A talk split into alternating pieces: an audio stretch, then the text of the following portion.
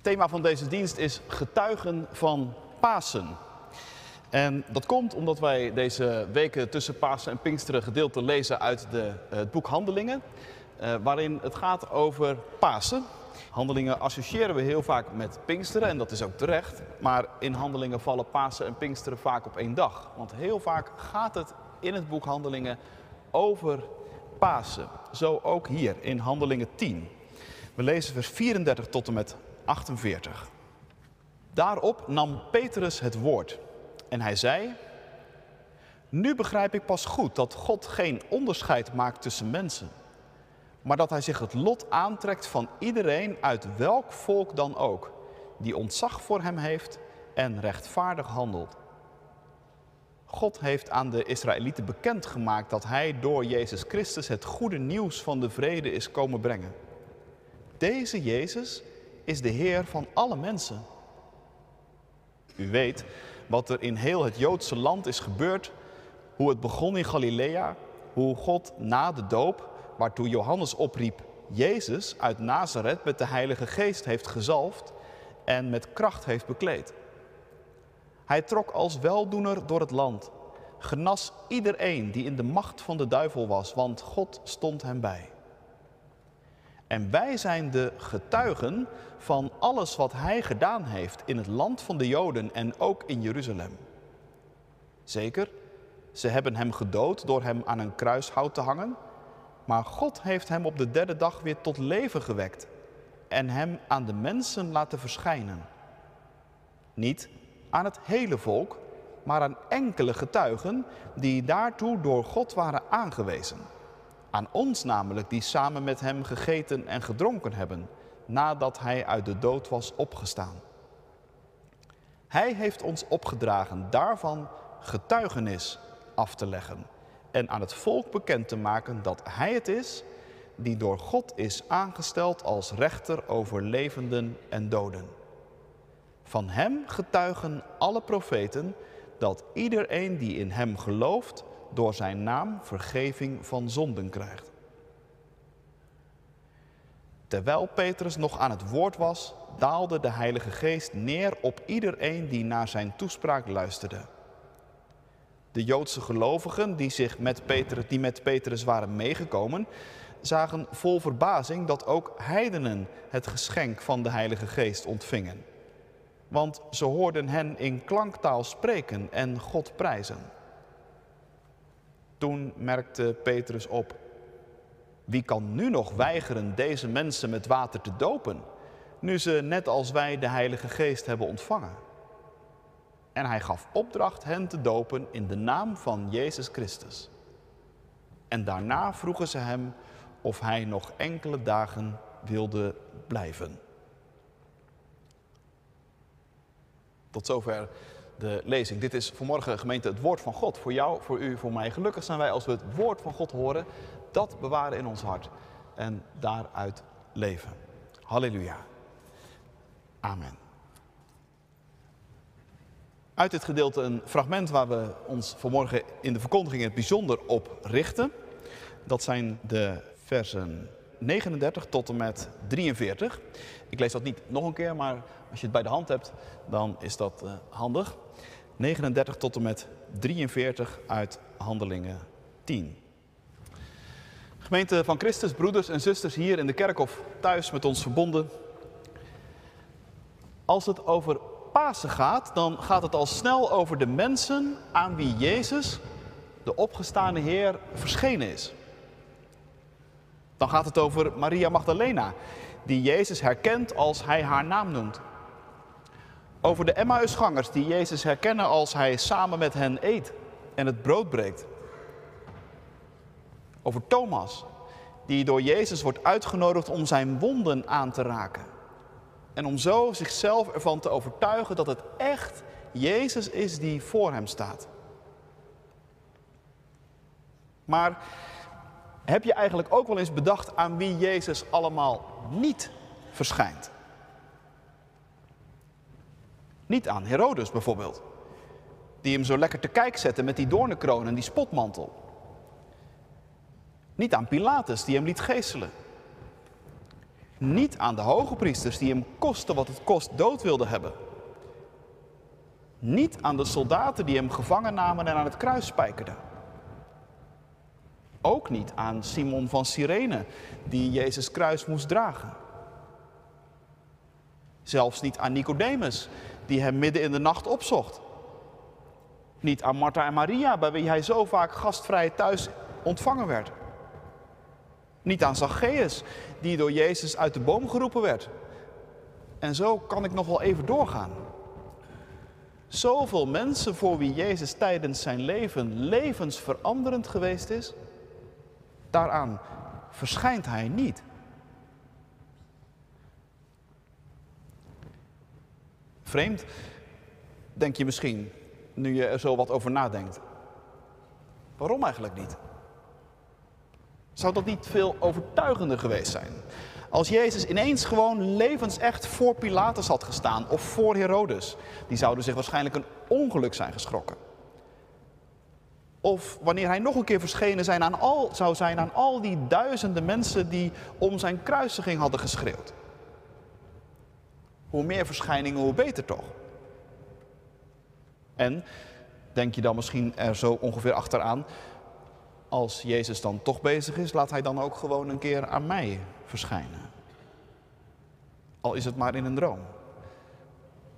Dat zou me al zo geweldig helpen om mijn hart aan Hem te geven.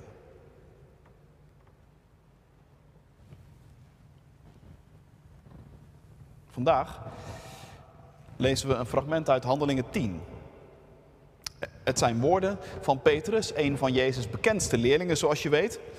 En Petrus, hij heeft het in dit toespraakje over Jezus, over zijn leven, over Goede Vrijdag, over Pasen. God, zegt Petrus, heeft Jezus op de derde dag tot leven gewekt en hem aan de mensen laten verschijnen. Maar meteen daarachteraan, haast tussen neus en lippen door, zegt hij dan, niet aan het hele volk, maar aan enkele getuigen die daartoe door God waren aangewezen. Dat zinnetje had ik eigenlijk nog nooit zo tot me door laten dringen.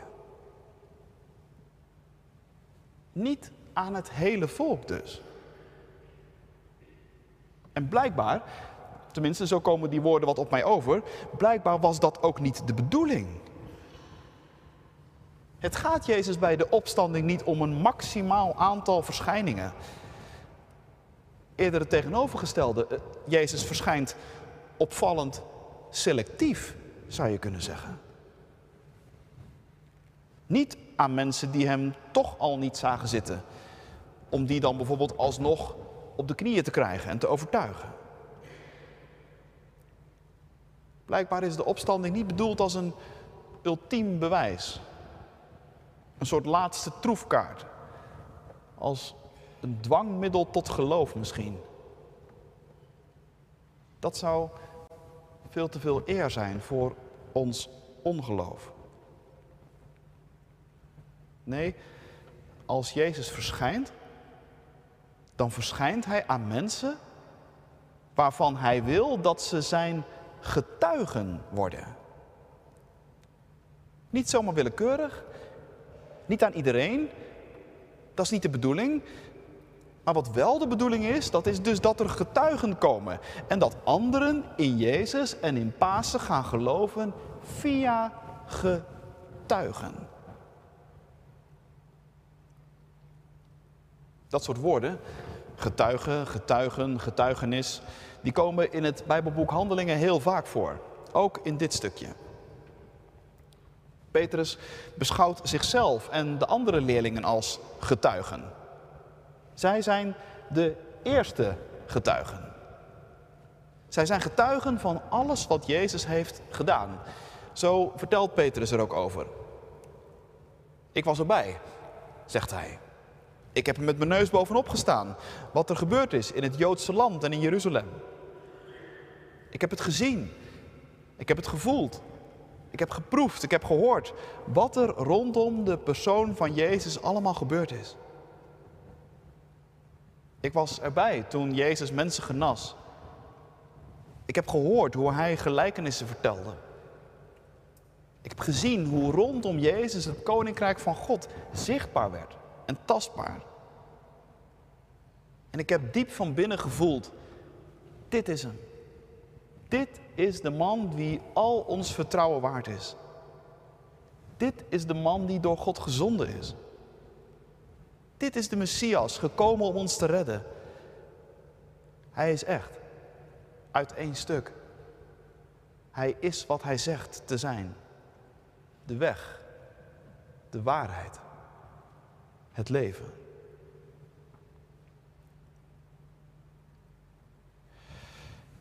Ja, en wat Petrus natuurlijk ook gezien heeft, dat is hoe er door heel veel mensen op Jezus werd gereageerd. Hoe hij steeds verder in het nauw werd gedreven. Hoe er een proces kwam en een veroordeling. Hij heeft die intense verwarring geproefd en het verdriet. En daarin heeft hij ook een kant van zichzelf leren kennen die hij misschien liever niet had leren kennen. Die woorden van Jezus, je weet wel. Voor de haan kraait zul jij mij driemaal verloochend hebben. Die woorden zijn uitgekomen. Maar Petrus heeft ook bij het lege graf gestaan. Hij heeft ook de opgestane Heer ontmoet. En hij is gaan geloven dat het kruis toch niet het laatste was wat er over Jezus te zeggen viel. En dat heeft alles veranderd. En daarvan getuigt hij nu, samen met anderen.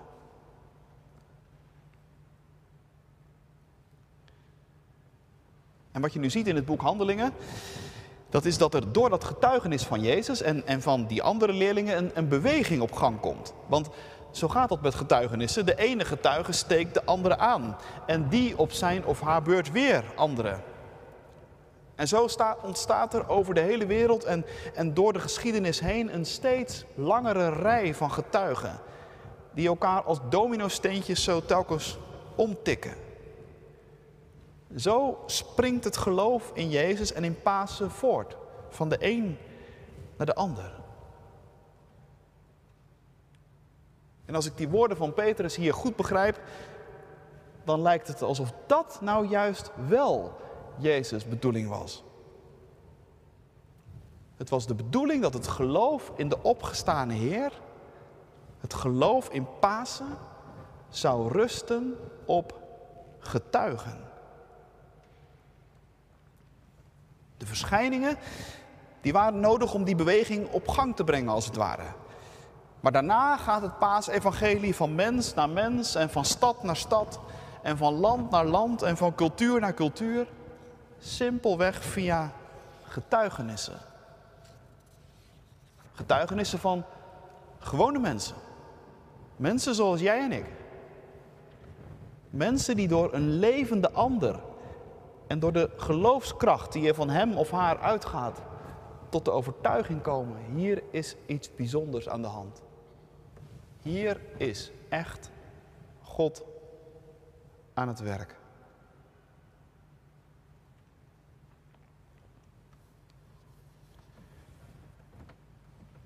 Je daarover nadenkt, dan is dat eigenlijk enorm natuurlijk. Dat de levende God zo werkt. Dat Hij het getuigenis van Pasen legt op de schouders van breekbare en broze mensen. En dat hij het daarmee waagt.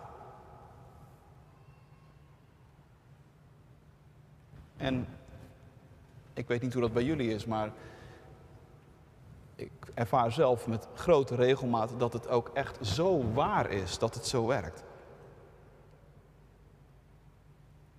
Kijk, over ons geloof valt natuurlijk heel veel te zeggen. En heel veel te denken. En heel veel te schrijven. En heel veel te redeneren. Voor een deel is dat ook de kracht van de protestantse traditie. En daar moeten we voor blijven staan, zonder meer. Maar jij en ik weten ook dat wij ons geloof nooit in bezit hebben. Op de raarste momenten kan geloof je ook zomaar weer als zand door je vingers glippen. En op zulke momenten helpt mijn boekenkast me meestal niet heel veel verder. en nog weer eens een keer in je hoofd een redenering langsgaan. Een redenering die op andere momenten ontzettend overtuigend is en heel sterk lijkt. Dat voelt op zo'n moment heel onbeholpen. Maar wat me op zulke momenten nou wel helpt, dat is een getuigenis. Dat is het leven van iemand die ik ontmoet. En waarin ik op dat moment iets weerspiegeld zie van de kracht van Pasen.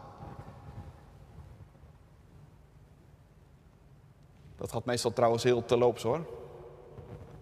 En bij die ander gaat het ook vaak onbewust. Meestal is het zonder dat hij of zij het doorheeft. Maar ondertussen proef ik iets van de kracht van de opgestane Heer. Als ik zie hoe iemand omgaat met een ziekte bijvoorbeeld. Of met een gemis. Hoe twee mensen vechten om het behoud van hun relatie.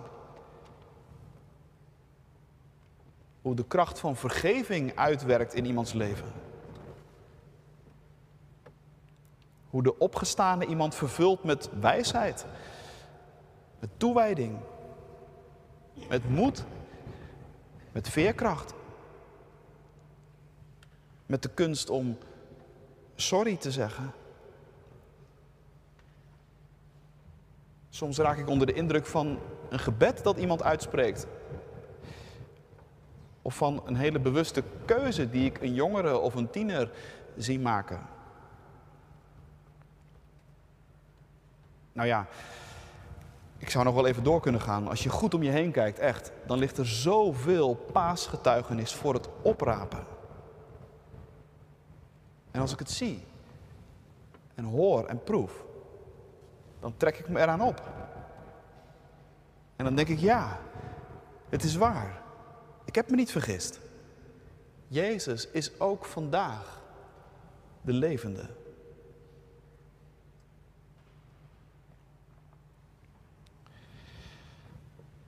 Misschien moet je nog wel een stap verder gaan en zeggen: eigenlijk is gewoon heel ons leven één groot, compleet getuigenis. Van alles wat wij doen gaat getuigenis uit. Belangrijk om dat te beseffen. Juist ook in een kerk als deze. We verlangen ernaar in de Jacobikerk om een plek te zijn waar iets van uitgaat. Een plek waar zoekers zich welkom heten, die zomaar binnenstappen. Een plek waar Jezus gezocht en gevonden wordt. En dat is goed om daarover na te blijven denken, hoe dat moet, hoe dat het beste kan. Heel goed om daar ook tijd en energie in te blijven steken. Maar laten we het niet maken tot een hobby voor een paar mensen. En ondertussen vergeten dat alles wat wij doen voortdurend één groot getuigenis is. Van de preek tot het welkom heten van mensen bij de deur. Van het avondmaal tot alles wat we doen voor de jongeren en de kinderen. Van het beleid tot de muziek. Van het oudere pastoraat tot via Jacobi. Alles spreekt met en zonder woorden een taal. Met alles wat we doen geven we getuigenis. En dan heb ik het nog niet eens over wat we de rest van de week doen, thuis. Hoe we bekend staan op ons werk en in de buurt. Hoe we collega zijn, vriend, vader, moeder, medeleerling, teamgenoot. Heel ons leven is getuigenis.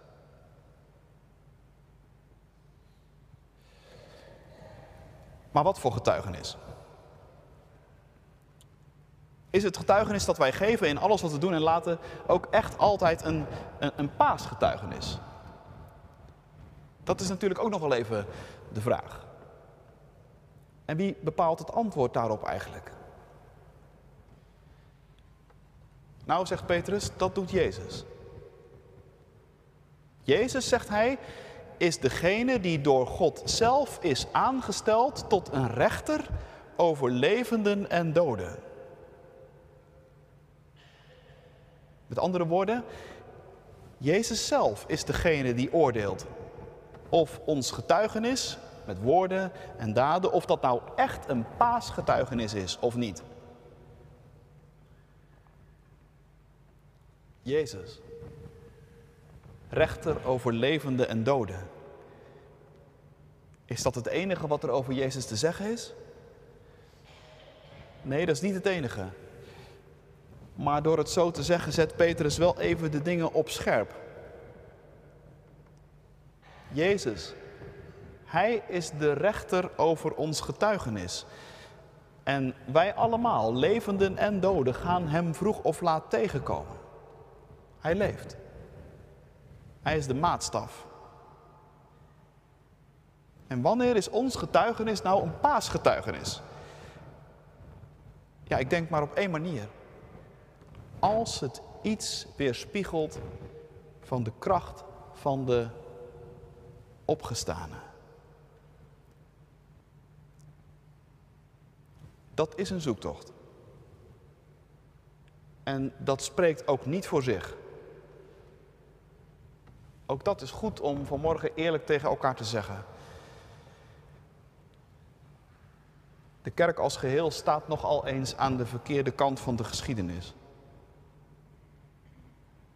Het getuigenis van de kerk en van individuele christenen, dat zijn wij allemaal, dat laat nogal eens te wensen over. Heel vaak leven we alsof het geen Pasen geweest is. Vechten we zo voor onszelf behoud alsof er nooit een kruis op Golgotha gestaan heeft. Maar, zegt Petrus vanmorgen tegen ons, de kracht van Pasen is nou ook net dat zelfs dat allemaal, hoe waar het ook is, Pasen niet stuk kan maken. Jezus is rechter over levenden en doden, ja. Maar, zegt Petrus, er is ook altijd de weg van vergeving, omkeer en berouw. Dus ook al val je jezelf vaak zo tegen, ook al is ons getuigenis zo bleek en wankel, ook daar heeft de opgestane mee gerekend.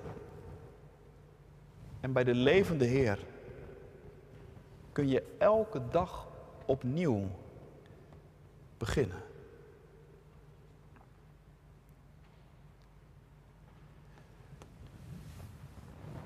Tot slot nog dit.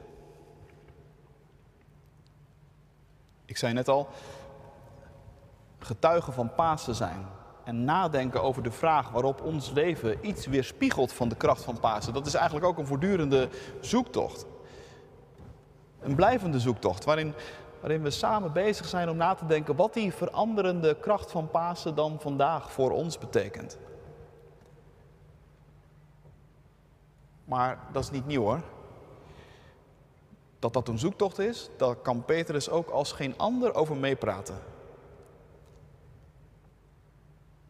Eerder in dit hoofdstuk heeft hij een forse bekering ondergaan. Hij heeft een enorme bocht moeten nemen. Eentje waarvan hij nooit gedacht had dat hij die ooit zou nemen. Als geboren Jood ging hij er, ook waarschijnlijk zonder er ooit over nagedacht te hebben, vanuit dat de redding van God en de kracht van Pasen eigenlijk alleen voor zijn eigen volk zouden zijn. Maar in dit hoofdstuk, Handelingen 10, maakt God hem duidelijk dat hij dat helemaal verkeerd zag. Je kent het verhaal misschien over het visioen met het laken, waarin Petrus allemaal dieren door elkaar ziet lopen, rein en onrein. Dat was in zijn ogen onbestaanbaar. Zijn maag moet omgedraaid zijn toen hij dat zag. Geen haar op zijn hoofd die er ooit aan zou denken een onrein dier te eten. Maar dan hoort hij een stem. En die stem zegt: Petrus, wat God gereinigd heeft, dat mag jij niet langer voor onrein houden. Anders gezegd, die kracht van Pasen, die bleek veel verder te gaan dan Petrus ooit voor mogelijk had gehouden. De kracht van Pasen heeft ervoor gezorgd dat Petrus veranderd is. Anders ging denken. Anders ging doen.